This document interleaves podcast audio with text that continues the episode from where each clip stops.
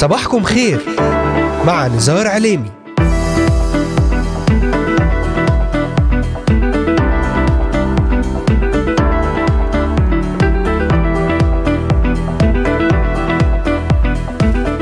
التاسع من شهر أيار مايو للعام 2023 المستمعات والمستمعون صباح الخير. أهلا بكم في يوم جديد ضمن الموسم الثاني من برنامج صباحكم خير. معكم على الهواء مباشرة نزار عليمي من إذاعة صوت الأمل في الأراضي المقدسة. أرحب بمستمعينا من الأراضي المقدسة ومن بلدان الشرق الأوسط وشمال أفريقيا من سوريا لبنان مصر تركيا الأردن والعراق ليبيا اليمن السعودية والكويت ومستمعينا من أستراليا أمريكا ألمانيا كندا والسويد والذين يتواصلون معنا ويتابعوننا على مختلف منصاتنا الاجتماعية لإذاعة صوت الأمل.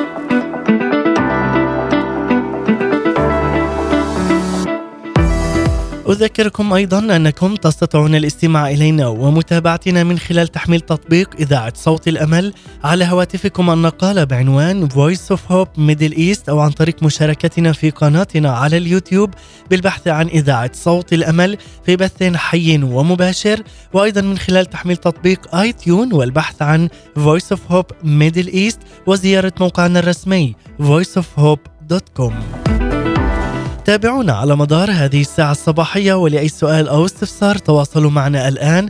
وللتنويه تستطيعون الاستماع والعودة إلى جميع حلقات برنامج صباحكم خير وذلك من خلال متابعتنا على محرك البحث إذاعة صوت الأمل في كل من تطبيقات أنغامي Spotify Deezer Amazon Music Apple Podcast و Pocket Cast Podbean بودكاست وستجدون جميع هذه الحلقات وغيرها من البرامج الخاصة لإذاعة صوت الأمل على هذه المنصات الاجتماعية المختلفة. وأذكركم أيضا أن هذه الحلقة تعاد في تمام الساعة الثانية ظهرا بتوقيت القدس.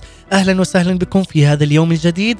أهلا بكم مستمعي الأحباء. ضمن برنامج صباحكم خير من إذاعة صوت الأمل. من هنا من الأراضي المقدسة.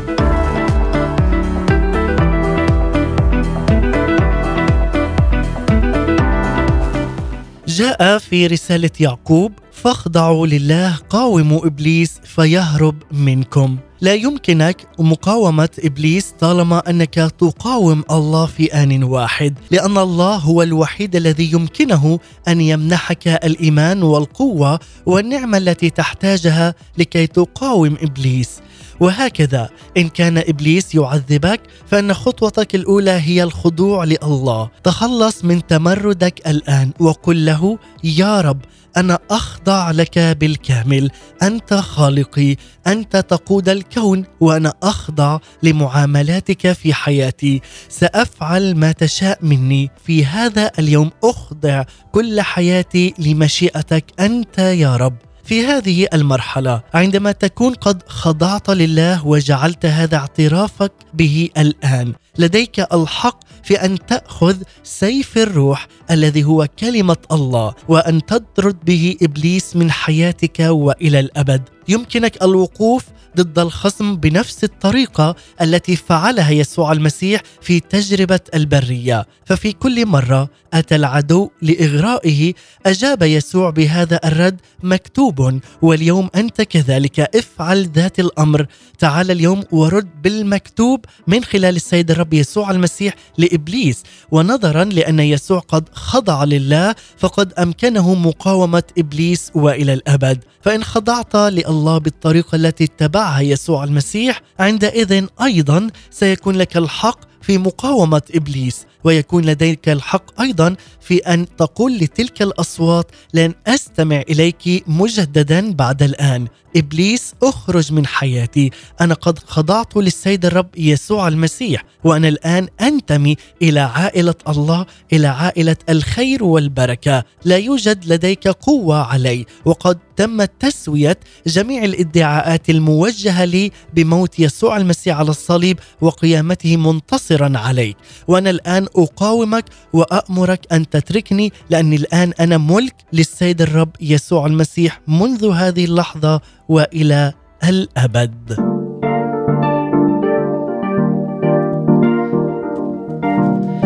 بعد هذه البداية لكم أحباء المتابعين نبدأ وإياكم مع هذه الترنيمة الجديدة ولأول مرة مع فريق الحياة الأفضل أنت النور. اليوم واعلن أن يسوع المسيح هو النور.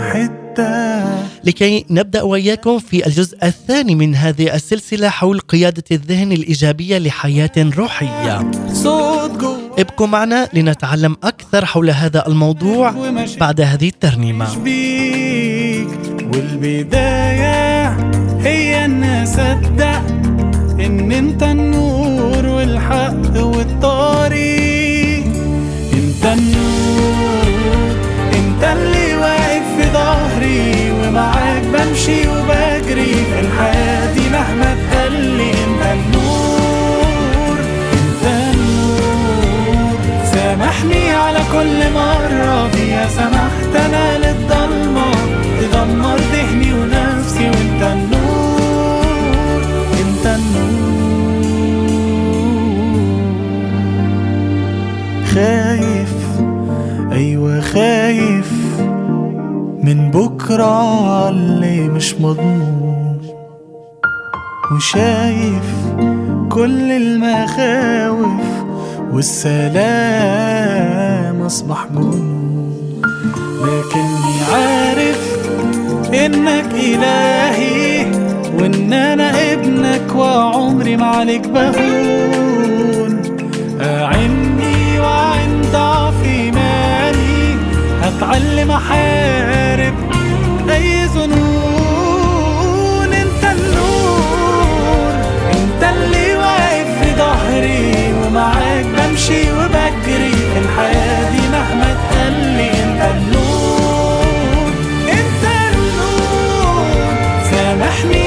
كل مرة فيها سمحت أنا للضلمة تدمر ذهني ونفسي وأنت النور.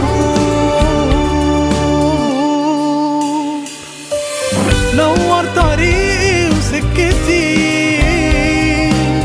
ساعدنا أكون نور في رحلتي. نور حياتي وضلمتي وملاني بروحك القدوس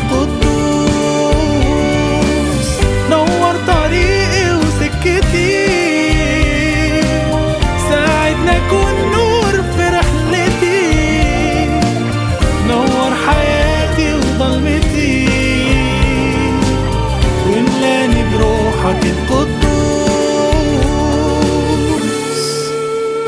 انت النور انت اللي واقف في ظهري ومعاك بمشي وبجري في الحياة دي مهما تقلي انت النور. سامحني على كل مرة فيها سمحت أنا للضلمة تدمر ذهني ونفسي. وانت النور. انت النور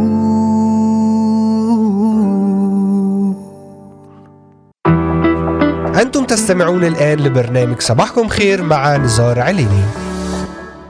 عودة من جديد إليكم بعد هذه الافتتاحية مع هذه الترنيمة الرائعة والمباركة وهذه فعلا ترنيمة جديدة جدا مباركة وقد استمعنا إليها مع فريق الحياة الأفضل ترنيمة أنت النور. نعم هو إله النور هو إله الحق هو إله الطريق والحياة. تعال اليوم وتأكد أنك مع السيد الرب يسوع المسيح دائما تكون في النور وفي ملء البركة والنعمة الإلهية. لذلك أحبائي المستمعين والمتابعين ترتكز رسالتنا في هذا اليوم على عدة آيات من الكتاب المقدس وخاصة من روميا وإشعياء وفيليبي وذلك من خلال هذه السلسلة الجديدة التي انطلقنا بها حول قيادة الذهن الإيجابية لحياة روحية. ونكمل اليوم بجزئها الثاني وذلك بعنوان التمتع بهدوء الذهن من خلال إغلاق أبواب عدم الغفران والمقارنة مع الآخرين.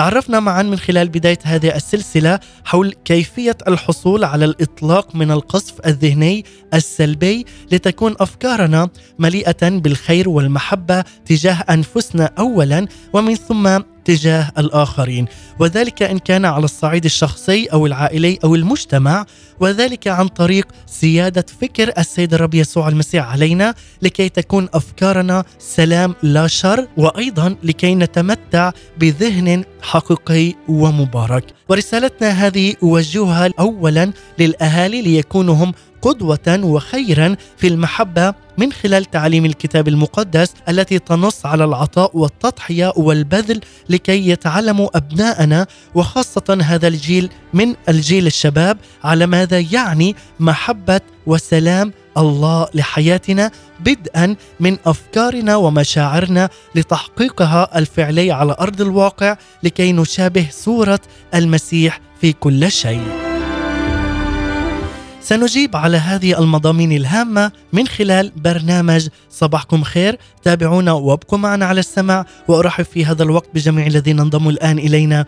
أهلا وسهلا بكم في إذاعتكم صوت الأمل معكم على الهواء مباشرة نزار عليمي. أهلا وسهلا بكم. نعم هدوء الذهن الحقيقي من خلال تعاملات الله في حياتنا. في عملية فتح قلوبنا وعقولنا للوعود التي في كلمة الله الحية نجد الإجابات التي نحتاجها للمشاكل وأيضا للقضايا المشتركة في حياتنا تكون فقط من خلال كلمة الله واللجوء إلى كلمة الله في الكتاب المقدس. وقد رأينا أيضا كيف يمكن لوعود الله أن تنقذنا من المعاناة الذهنية. الموضوع الذي يتبع أيضا ذلك بشكل طبيعي جدا هو كيفية التمتع بهدوء الذهن الحقيقي بعد الإطلاق فعلا من هذه الأفكار السلبية التي تجتاح حياتنا وأيضا أفكارنا وأذهاننا من الإطلاق من القصف الذهني السلبي لكي تكون أفكارنا مليئة بالخير والمحبة والسلام تجاه أنفسنا اولا ومن ثم تجاه الآخرين. لذلك أحبائي يتلائم هذان الموضوعان معا كوجهين مقابلين لعملة واحدة. هنا واحد سلبي والآخر إيجابي، ماذا يعني؟ فكيفية الحصول على الإطلاق من المعاناة الذهنية هو الوجه السلبي وكيفية الاستمتاع بهدوء الذهن الحقيقي هو الوجه الإيجابي لذلك من الواضح هنا أننا نحتاج إلى الوجه الإيجابي بقدر ما نحتاج إلى الوجه السلبي. لذلك لا يكفي أحبائي مجرد تخليص عقولنا من المعاناة الذهنية ورغم أننا سوف نشعر بالراحة إلا أننا قد نختبر نوعا ما من الفراغ الذهني.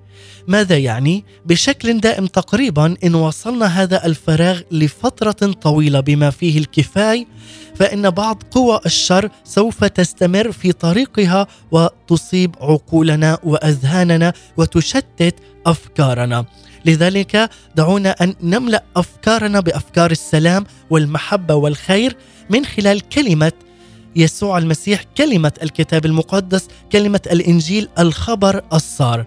لذلك فجزء أساسي من حمايتنا هو أن تكون عقولنا محمية بسلام الله. لذلك تعال اليوم وخذ هذه الخوذة والبسها الآن لكي تمتلئ أفكارك وذهنك بسلام ومحبة الله لحياتك.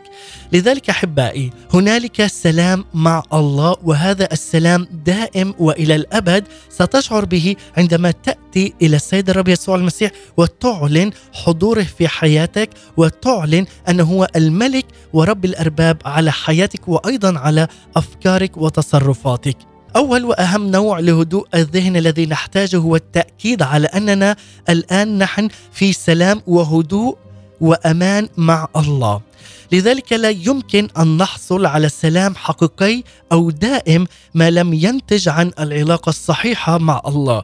إذ لا نشعر بهذا السلام إذ لا نكون نحن نتبع صاحب السلام ورئيس السلام وهو الرب يسوع المسيح. إذ أننا لا نتبع هذا الرئيس فبالتالي نحن نتبع العالم ومن يحرك هذا العالم إبليس. وبالتالي تكون علاقتنا دائما هنا مدمرة بأفكارنا وأيضا تصرفاتنا، لذلك تعال اليوم واتبع رئيس السلام لتصحح علاقتك مع رئيس السلام وهو رب المجد يسوع المسيح. ففي مكانين منفصلين في سفر إشعياء يقول الرب لا سلام للأشرار وأيضا هنا يقول فبالنسبة لأولئك الذين هم في تمرد دائم أو حتى معارضة ضد الله وأفكار الله وضد مشيئة الله وهم يعيشون حياة لا تخضع لقوانينه وأيضا متطلباته لا يوجد لهم سلام أو لا يعيشون في سلام ودائما تكون هنالك دوامة في أفكارهم تجاه الخطية والشر والتمرد. إن كان على أنفسهم أو على الآخرين أو ضد الله. لذلك من خلال هذه ثلاث محاور هم يقعون في هذه الدوامة. هم يبدأون باللوم على أنفسهم ومن ثم الآخرين ومن ثم الله.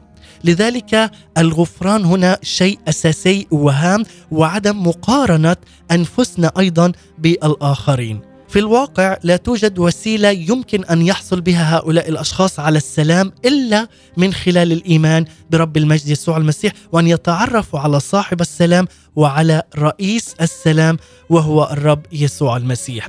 فمن أجل الحصول على هدوء الذهن الحقيقي يجب علينا اولا التأكد أننا فعلا قد تصالحنا مع أبينا السماوي رب المجد يسوع المسيح. لذلك جاء في روميا الإصحاح الخامس والعدد الأول يقول بولس الرسول هنا فإذ قد تبررنا بالإيمان لنا سلام مع الله بربنا يسوع المسيح. هذا السلام يأتي مع الله من خلال يسوع المسيح الذي آمنا به وقد تبررنا بالإيمان به بعمله على الصليب وبصلبه وموته وقيامته واعلنا نصرته لأننا نكون نحن منتصرين ودائما في سلام وأمان بأفكارنا وأيضا بتصرفاتنا لكي نشابه صورة المسيح المباركة. وبعد ذلك في هذا الإصحاح من روميا يقول هنا لنا بولس الرسول من خلال يسوع أننا نلنا به الآن المصالحه، المصالحة هنا في الآية الحادي عشر من الإصحاح الخامس من روميا. فقد كان لدينا هنا احتياج مؤكد للمصالحة مع الله أي الإنسان مع الله من خلال الوسيط الوحيد وهو يسوع المسيح. من خلال يسوع قد نلنا المصالحة مع الله الآب. كيف؟ من خلال الموت الصلب والموت والقيامة. لذلك عز المستمع بحكم طبيعتنا الجسدية وأيضا حياتنا الخاطئة البشرية كنا في صراع دائم مع الله الآب فلم نكن خاضعين لقراراته أو حتى لشروطه العادلة ودائما كنا في عدم خضوع لمشيئته المباركة، لذلك لم نكن نعيش نوع الحياة الذي يأتي بالمجد والكرام على حياتنا وعلى أذهاننا وأفكارنا وتصرفاتنا. لذلك كان علينا أن نتوب ونقبل هذه المصالحة المباركة التي قدمها لنا الله من خلال ابنه الوحيد يسوع المسيح، أي من خلال الأقنوم الثاني الله المتجسد بيسوع المسيح هنا الذي جاء إلى أرضنا وأيضا أعطانا حياة وخلاص وغفران كامل. لذلك هذا تم على الصليب. اتحد يسوع بخطايانا وتمردنا وجاءت دينونة تلك الخطية عليه هو وحده لكي يرفعها عنا ودفع العقوبه الكاملة والنهائية وإلى الأبد لخطايانا. فكيف اذا تمت المصالحة بيننا وبين الله من خلال موت يسوع المسيح بديلا عنا. لكي فعلا نستطيع أن نقول قد تبررنا وتحررنا بأفكارنا تصرفاتنا بالإيمان من خلال عمل يسوع المسيح. أحبائي سنكمل في هذا الموضوع ولكن دعونا نستمع الآن أيضا إلى هذه الترنيمة الرائعة والمباركة مع القس الفاضل أمجد سعد ذكري ترنيمة أنت ابني. نعم أنت ابن للسيد الرب يسوع المسيح وأنت ابنة للسيد الرب يسوع المسيح. تعال اليوم وتمتع بالذهن الحقيقي والسلام الحقيقي في ذهنك لكي تتمتع بهذا الهدوء في أذهاننا عزيزي المستمع وذلك من خلال إغلاق أبواب عدم الغفران والمقارنة مع الآخرين. تعال اليوم واغفر لكي يغفر لك. تعال اليوم وسامح واطلق كل البركات في حياتك واستقبل بركات جديدة من خلال عمل وقوة الروح القدس لك. نستمع إلى هذه الترنيمة ومن ثم نعود.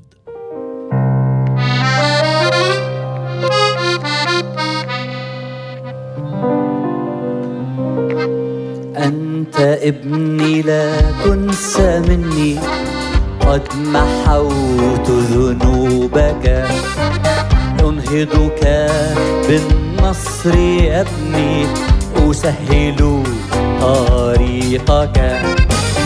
أنت ابني لا تنسى مني قد محوت ذنوبك. أنهضك بالنصر يا ابني أسهل طريقك. كل آلة ضدك أبدا أبدا لا تنجح.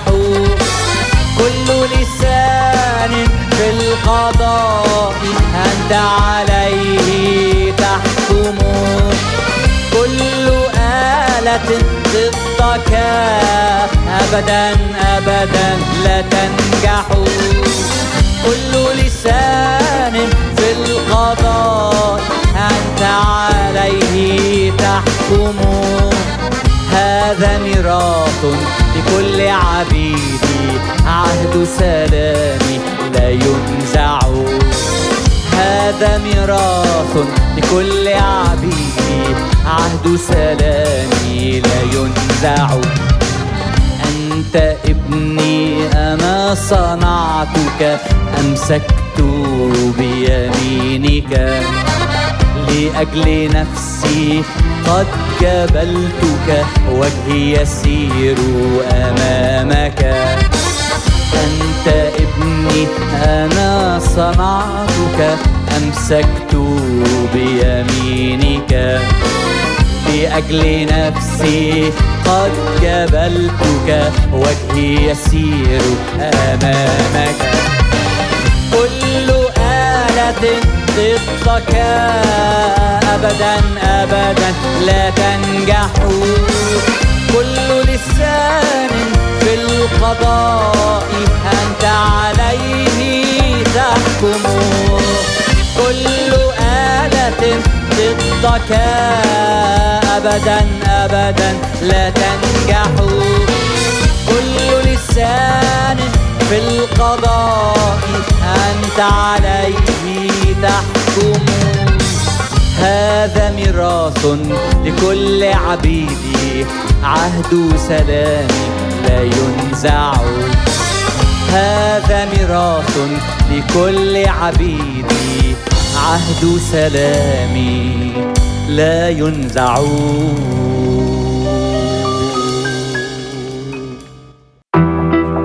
أنتم تستمعون الآن لبرنامج صباحكم خير مع نزار عليني.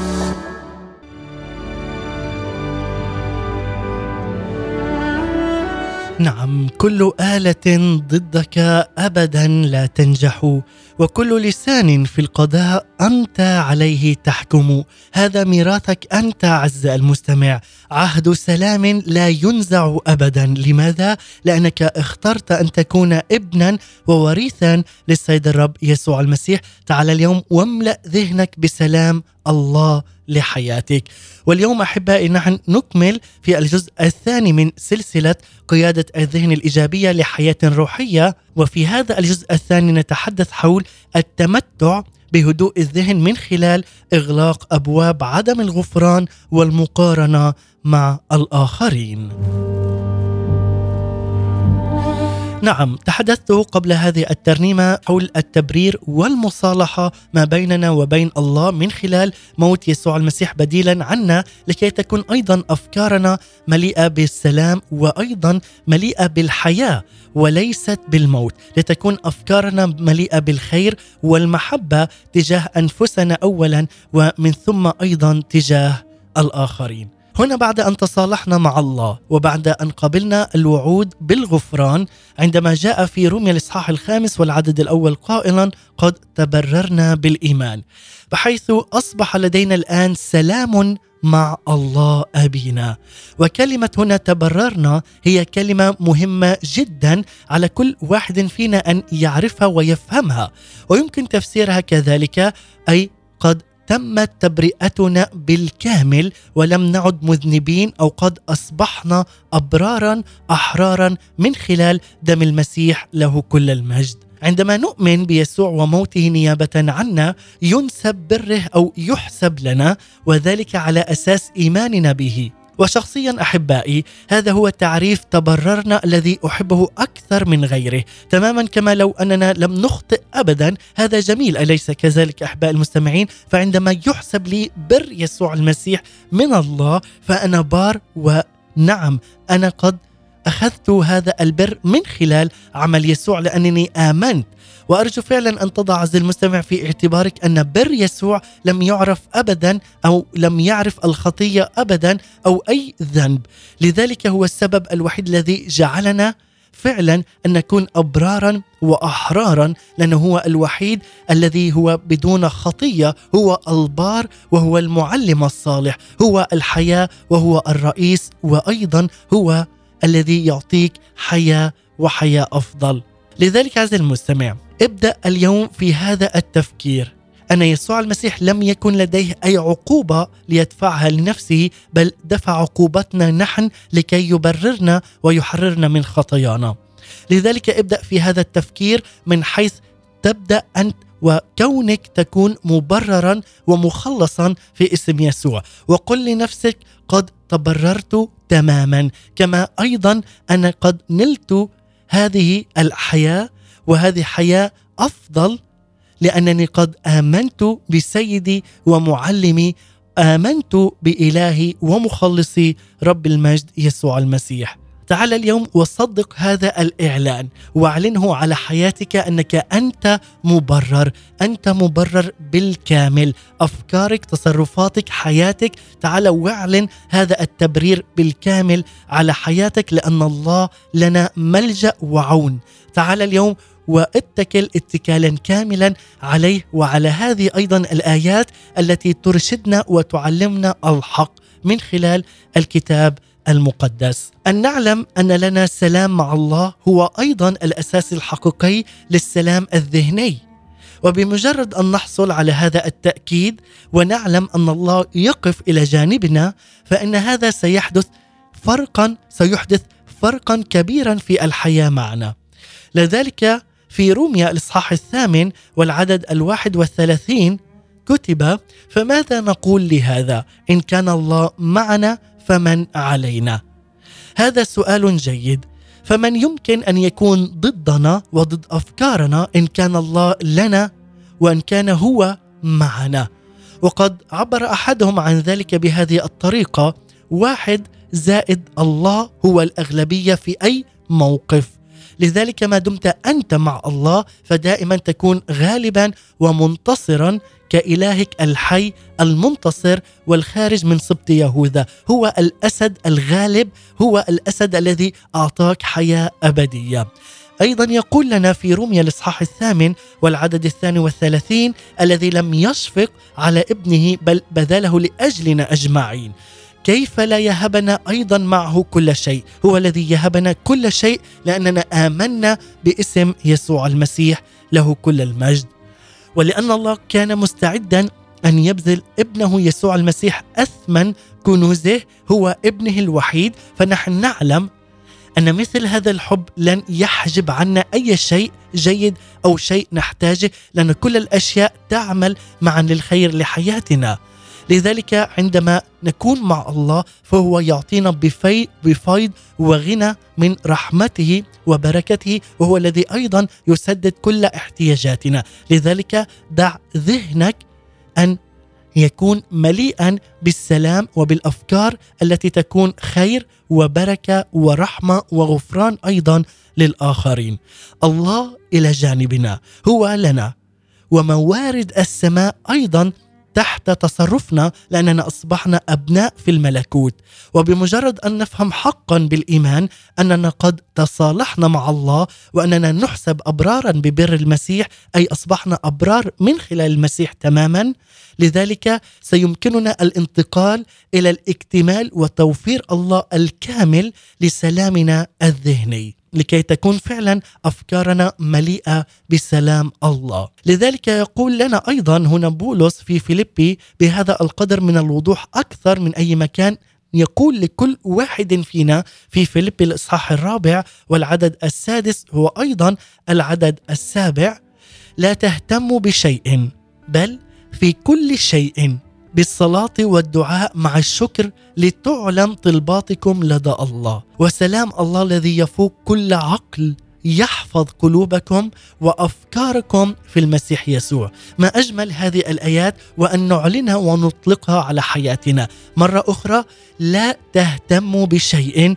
بل في كل شيء بالصلاة والدعاء مع الشكر. تعال وابدأ يومك بالصلاة والدعاء مع الشكر للسيد الرب يسوع المسيح. ولا تهتم لأي أمور في حياتك ابدا. ولا لأي احتياجات كانت مادية أو حتى جسدية، تعال اليوم فقط واعلن اسم يسوع والكل أمامك يصبح متاحا ومباركا لتعلم طلباتكم لدى الله، لأن السلام الله الذي يفوق كل عقل وهذا السلام يبدأ من عقولنا وأذهاننا لكي يحفظ قلوبنا وأفكارنا في المسيح يسوع. لنلاحظ هذا الفكر المهم والرائع. وسلام الله الذي يفوق كل عقل يحفظ قلوبكم وأفكاركم في المسيح يسوع. فهذه العبارة التي نتحدث بها هنا عن حماية قلب قلبنا وفكرنا تؤكد ما قلناه حول خطر الفراغ في البداية. فلا يمكن ترك فكرك فارغا وإن فعلت ذلك سيأتي بعض التأثير أو الضغط الاجتماعي أو حتى العائلي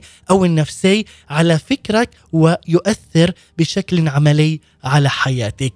لذلك يجب أن تملأ ذهنك بالكامل بسلام الله وأن لا تدع أي ثغرة لإبليس أن يدخل منها إلى أفكارك لكي يشوشها ولكي أيضا ينزع منك هذا السلام والفرح الإلهي. تعال اليوم واحتفظ بسلام الله في ذهنك. وهنا أيضا يقول في الكلمة اليونانية المترجمة يحفظ في الآية السابقة تعني حماية عسكرية لذهنك. الحماية العسكرية تعني أن تتمركز القوات في قلعة أو بلدة للدفاع عنها وبمعنى آخر فالسلام الخارق من الله سيقف ليحمي أذهاننا بحيث لا يمكن لأي ضغوط شريرة أو حتى تأثيرات خارجية تأتي على أذهاننا وتصل إليها. لذلك عليك أن تحتمي بكلمة الله كحماية عسكرية وتعلن أن هذا السلام من خلال الله هو يملأ ذهنك وفكرك إلى الأبد. لذلك يعطي بولس الرسول أيضا المزيد من التعليمات الحيوية في هذه الآية الرائعة من فيليبي الإصحاح الرابع وأيضا العدد الثامن يقول أخيرا أيها الإخوة كل ما هو حق كل ما هو جليل كل ما هو عادل كل ما هو طاهر كل ما هو مسر كل ما صيت حسن إن كانت فضيلة وإن كان مدح ففي هذه افتكروا. هنا استيفاء للشروط ماذا يعني؟ احتمال الحصول على سلام الله ذاته الذي يفوق كل عقل هو يحرس قلوبنا وأفكارنا أيضا. هو وعد جميل ومع ذلك يجب أن نتذكر هذا أنه من أجل المطالبة بهذا الوعد الثمين جدا. نحتاج أيضا نحن إلى الوفاء بشروطه سنتعرف عليهم بعد أن نستمع إلى هذه الترنيمة مع فريق الحياة الأفضل ترنيمة هيا ننسى ما وراء. وأنسى تعال تعال اليوم وانسى كل ما في الماضي. تعال اليوم وعيش هذا الحاضر بنعمة وسلام المسيح. تعال اليوم واملأ ذهنك بسلام الرب يسوع المسيح وتكن أفكارك أفكار سلام لا شر. لنستمع إلى هذه الترنيمة ومن ثم نعود لنختتم لنتعرف على هذه المطالبة وهذه وهذا الوفاء بالشروط التي علينا أن ننفذها لكي ننال هذا أيضا السلام داخل أذهاننا. ابقوا معنا.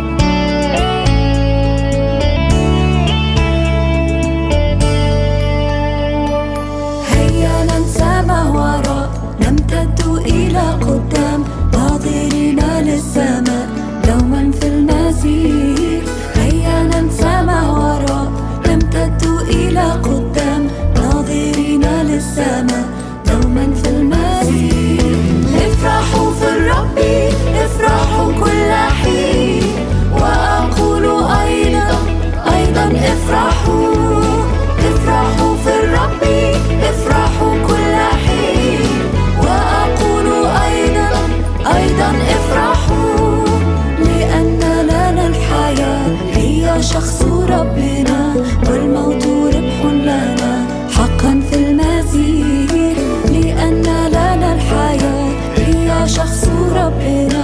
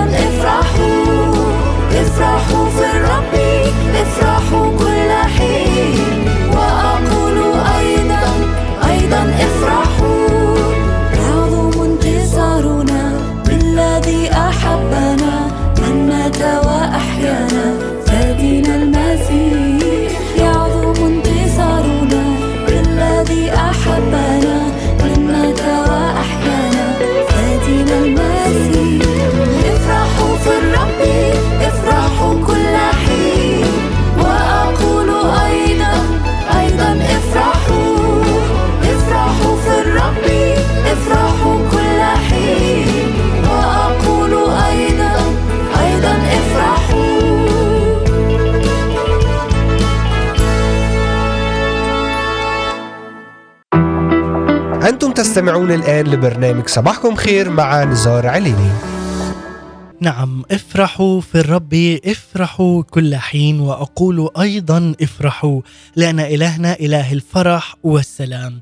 ونحن أحبائي نتحدث في هذا اليوم ضمن الجزء الثاني من سلسلة قيادة الذهن الإيجابية لحياة روحية. نتحدث بها حول التمتع بهدوء الذهن من خلال إغلاق أبواب عدم الغفران والمقارنة مع الآخرين.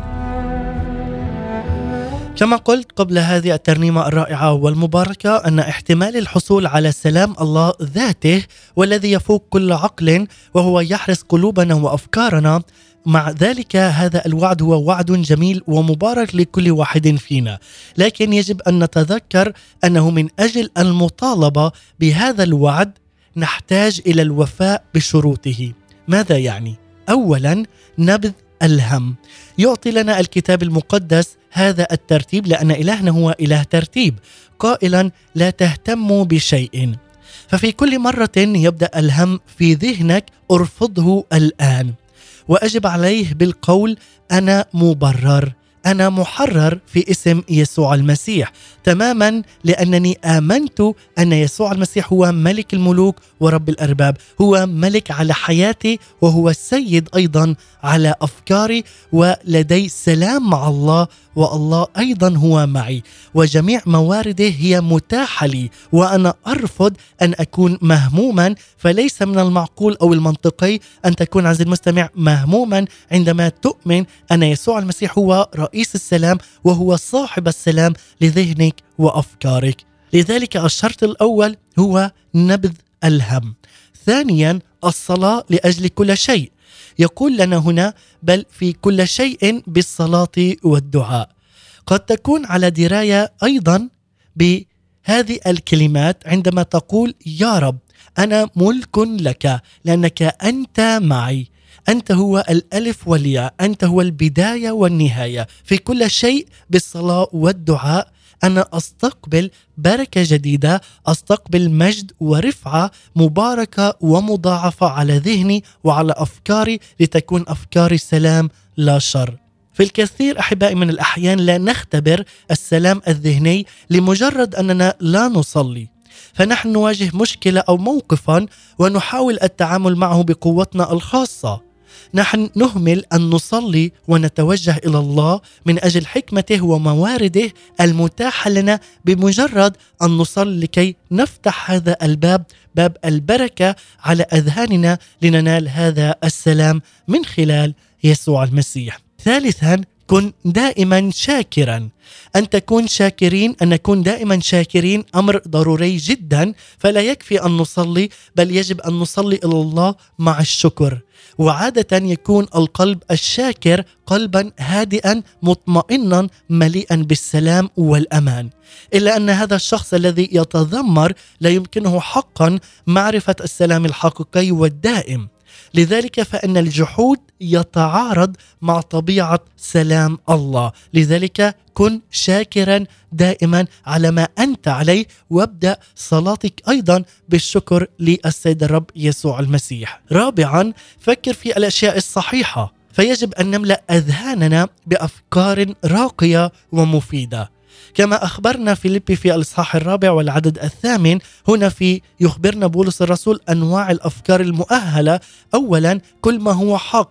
فضع في اعتبارك أن شيئا ما قد يكون صحيحا الا أن هذا لا يعني بالضرورة أننا يجب أن نتناوله. فعلى سبيل المثال يجب أن نركز أفكارنا على أفكار يسوع المسيح. لذلك أن نتمثل بمثل يسوع المسيح له كل المجد.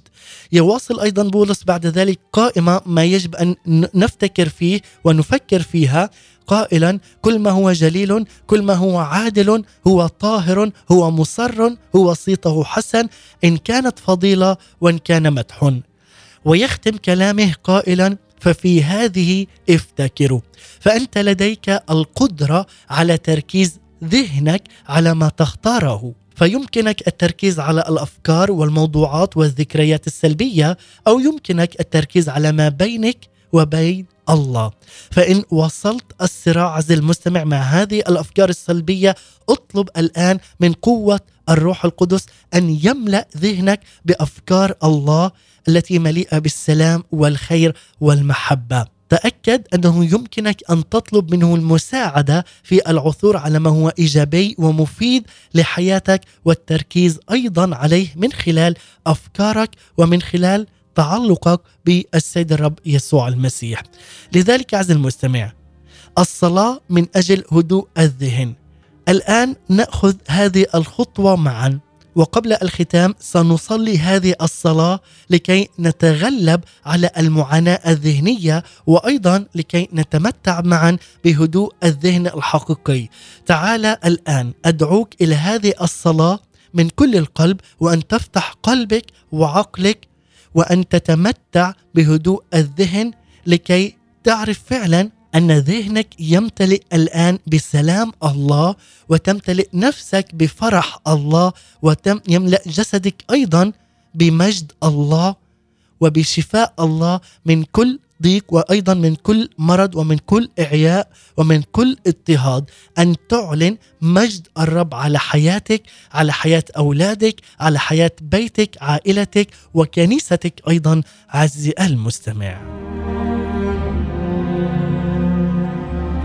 لنصلي ونقول يا رب يا اله السلام امنحني السلام الفكري. تعال اليوم واملأ قلبي بفيض جديد. واليوم أرى أنه يمكنني الانتقال من المعاناة الذهنية التي كنت أصارعها إلى هدوء الذهن الحقيقي عندما تعرفت عليك لأنك أنت أصل السلام والمحبة والخير. أنا الآن أتخذ الخطوات اللازمة للانتهار ومقاومة الصوت المشتكي الذي هو للعدو إبليس. أعلن اليوم أنك أنت لي يا الله وأنا لك أيضا. أنا مبرر بايماني بيسوع المسيح وذلك مما يعطيني هذا السلام معك أنت وحدك يا اله الحي. أنا أتخلى عن كل الهموم وعن كل الأفكار السلبية وأبدأ اليوم بأفكار إيجابية أفكار نافعة ورفعة ومجد لكي يمتلئ قلبي ولساني بالتسبيح لاسمك ويمتلئ ذهني بذهن السلام وأتمتع بهذا السلام وأعيشه حقيقيا على أرض الواقع. ومن الآن فصاعدا سأصلي اولا أيضا في كل يوم أعلن اسمك وأعلن أنك أنت إله السلام. وأعلن شكري لك وامتناني ومحبتي لاسمك مخلصي سيدي وربي وإلهي يسوع المسيح. وأقدم الشكر على جميع ما فعلته من اجلي لأنك أنت هو سيدي ورافع رأسي. وسأركز أفكاري على ما هو حق وصحيح وطاهر وأبعد عن كل ما هو باطل وعن ما هو شر لأنك أنت إله السلام والخير. تعال وأعلن أنك أنت معي إلى أبد الآبدين. أشكرك يا رب على ما تقدمه لي في كلمتك بخطوات لكي أهرب من المعاناة الذهنية وأتعرف اليوم على الهدوء الذهني الحقيقي وأختبر هذا السلام في هذا اليوم وفي كل يوم وأعلن مشيئتك في حياتي وخضوعي لك ولصوتك وأيضا لأفكارك في اسم من مات وقام وأعطى لنا حياة أبدية وغفران كامل وهو رب المجد يسوع المسيح. نعم عز المستمع بهذه الصلاة نختتم وإياكم هذا الجزء الثاني من سلسلة قيادة الذهن الإيجابية لحياة روحية. وفعلا إذ صليت هذه الصلاة من كل قلبك تأكد أن عقلك وذهنك الآن يمتلئ بسلام الله بفيض وغنى برحمة بمحبة. برفعه ومجد جديد على حياتك. تعال وتمتع الآن بهذا الهدوء هدوء الذهن من خلال إيمانك برب المجد يسوع المسيح ومن خلال أيضا إغلاق أبواب عدم الغفران. من اليوم عليك أيضا أن تغفر لكي تنال هذا الشفاء الكامل في ذهنك وأفكارك. تعال اليوم واعلن خضوعك بالكامل للسيد الرب يسوع المسيح له كل المجد. وكما عودناكم أحباء المستمعين والمتابعين ننتقل في ختام هذه الحلقة إلى الفقرة الثابتة والتي تبث لكم كل يوم ثلاثاء ضمن برنامجنا صباحكم خير في موسمه الثاني وهي فقرة المزامير بصوت الأخت المباركة نداء من لبنان. والآن نكون مع المزمور الثاني عشر مع الأخت نداء ومن ثم نختتم بترنيمة جدا رائعة ومباركة. المزمور الثاني عشر. خلاصك يا رب فالأتقياء انقطعوا وزال الأمناء من بني البشر. كل واحد يكذب على الآخر وبلسانين وقلبين يكلمه الرب يقطع شفاه المتملقين وألسنة المتكلمين بكبرياء. القائلين ألسنتنا تغنينا شفاهنا معنا فمن علينا؟ أقوم الآن يقول الرب لأن المساكين في شقاء والبائسين يئنون ظلما فأمنح الخلاص الذي يشتهون. كلام الرب كلام نقي فضة صرف في باطن الأرض. تصفت وتكررت سبع مرات. احرسنا يا رب وانصرنا على هذا الجيل إلى الأبد. فهم أشرار يجولون في كل ناحية فيما الرذيله ترتفع بين الناس.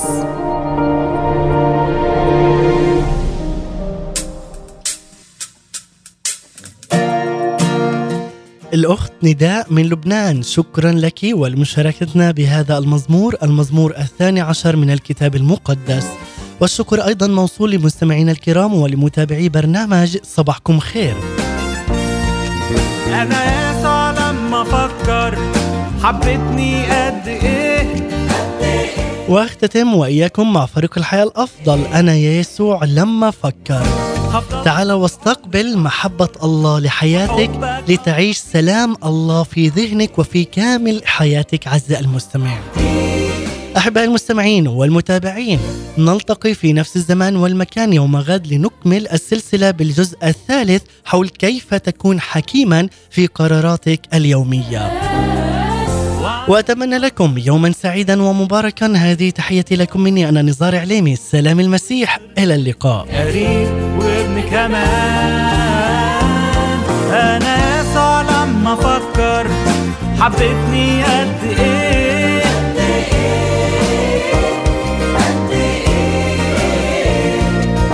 هفضل طول عمري أشكر وحبك أفرح بيه أفرح بيه أفرح من زمان وأنا مستاهلش حنان ونزلت من السماء في صورة إنسان. وعشان حبك عجيب رضيت موت الصليب وصرت ليك قريب. وابن كمان أنا يسوع لما أفكر حبتني قد إيه هفضل طول عمري اشكر وحبك هفرح بيه أفرح بيه أفرح بيه أنا يا يسوع لما أفكر حبتني قد إيه؟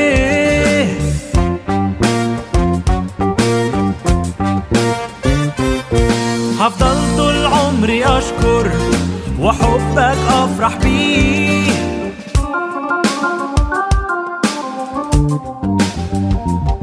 أنا يسوع لما أفكر حبتني قد إيه.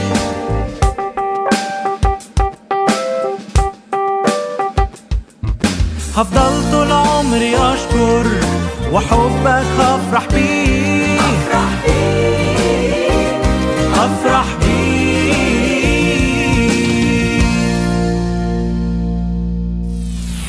اسم يسوع يعلو على كل الأسماء.